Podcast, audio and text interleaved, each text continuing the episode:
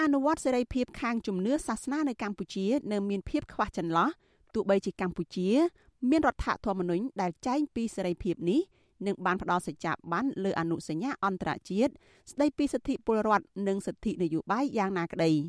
មូលហេតុសំខាន់ដែលនាំឲ្យសេរីភាពខាងជំនឿសាសនាមិនអាចអនុវត្តបានពេញលេញនៅកម្ពុជានោះគឺដោយសារតែការអនុវត្តបែបលំអៀងការរឹតបន្តឹងនិងចន្លោះប្រហោងនៃច្បាប់ជាដើម នេះបើយោងតាមរបាយការណ៍ស្ដីពីសេរីភាពសាសនាអន្តរជាតិឆ្នាំ2020របស់ក្រសួងការបរទេសសហរដ្ឋអាមេរិកក្រសួងការបរទេសសហរដ្ឋអាមេរិកគូបញ្ជាក់នៅក្នុងរបាយការណ៍នោះថារដ្ឋធម្មនុញ្ញកម្ពុជា បានកំណត់យកព្រះពុទ្ធសាសនាជាសាសនារបស់រដ្ឋច្បាប់ហាមមិនឲ្យមានការប្រតិបត្តិជំនឿសាសនាណាមួយ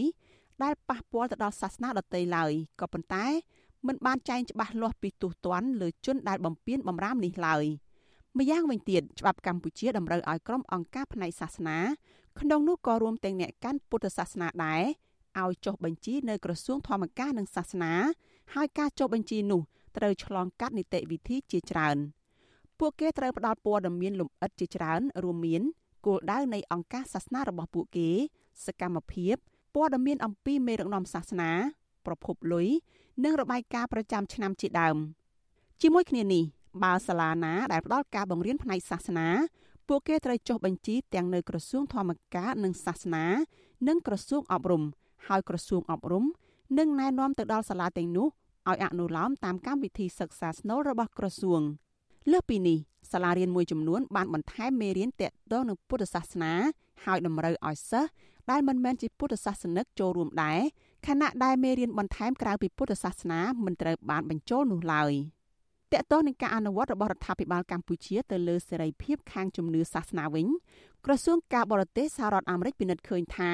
រដ្ឋាភិបាលបានបន្តជំទាស់មិនឲ្យអង្គការសហប្រជាជាតិផ្នែកសិទ្ធិមនុស្សទទួលយកជនជាតិម៉ុងតាញ៉ាវៀតណាម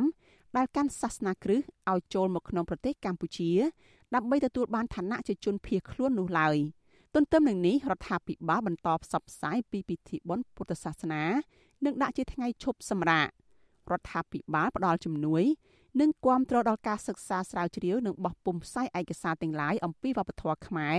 និងព្រះពុទ្ធសាសនាប៉ុន្តែការអនុវត្តបែបនេះរដ្ឋាភិបាលមិនបានធ្វើចំពោះក្រុមអ្នកកាន់សាសនាដទៃនោះទេដោយឡែកនៅក្នុងពេលផ្ទុះជំងឺ Covid-19 កាលពីដើមឆ្នាំ2020វិញ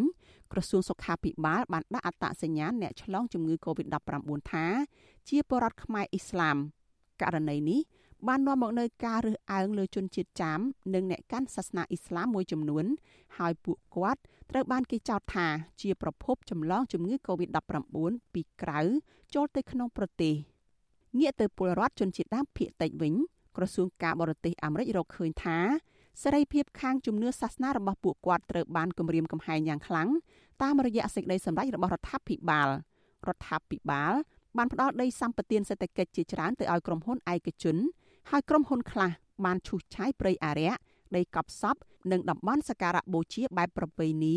របស់ជនជាតិដើមភាគតិចតួយ៉ាងករណីរបស់ក្រុមហ៊ុនវៀតណាមហួងអញ្ញឡៃនៅខេត្តរតនគិរីជាដើម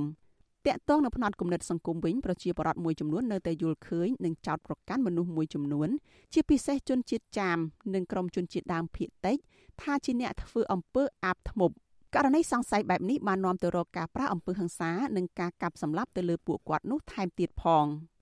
អាស៊ីសេរីមិនអាចតកតងណែនាំពាក្យក្រសួងធម្មការនិងសាសនាលោកសេងសុមនីនិងណែនាំពាក្យគណៈកម្មាធិការសិទ្ធិមនុស្សរបស់រដ្ឋាភិបាលលោកកតាអនដើម្បីសុំការឆ្លើយតបនឹងរបាយការណ៍នេះបានទេ នៅថ្ងៃទី13ខែឧសភា ទោះជាយ៉ាងណាអង្គការសិទ្ធិមនុស្សក្នុងស្រុកទទួលស្គាល់ថារបាយការណ៍នេះឆ្លុះបញ្ចាំងការពិតអំពីស្ថានភាពនៃសេរីភាពផ្នែកជំនឿសាសនានៅកម្ពុជាប្រធានផ្នែកសិទ្ធិមនុស្សនៃសមាគមអាត6លោកនីសុខាសង្កេតឃើញថារដ្ឋាភិបាលកម្ពុជាមិនបានបិទសិទ្ធិពលរដ្ឋដែលមានជំនឿផ្សេងពីពុទ្ធសាសនានោះទេប៉ុន្តែក៏មិនទាន់បានជួយជ្រោមជ្រែងពួកគេដើម្បីអនុវត្តជំនឿរបស់ខ្លួនឲ្យបានពេញលេញនោះដែរលោកបន្តថាពលរដ្ឋខ្លះជាពិសេស ក្រុមជនជាតិដើមភាគតិចកំពុងរងគ្រោះ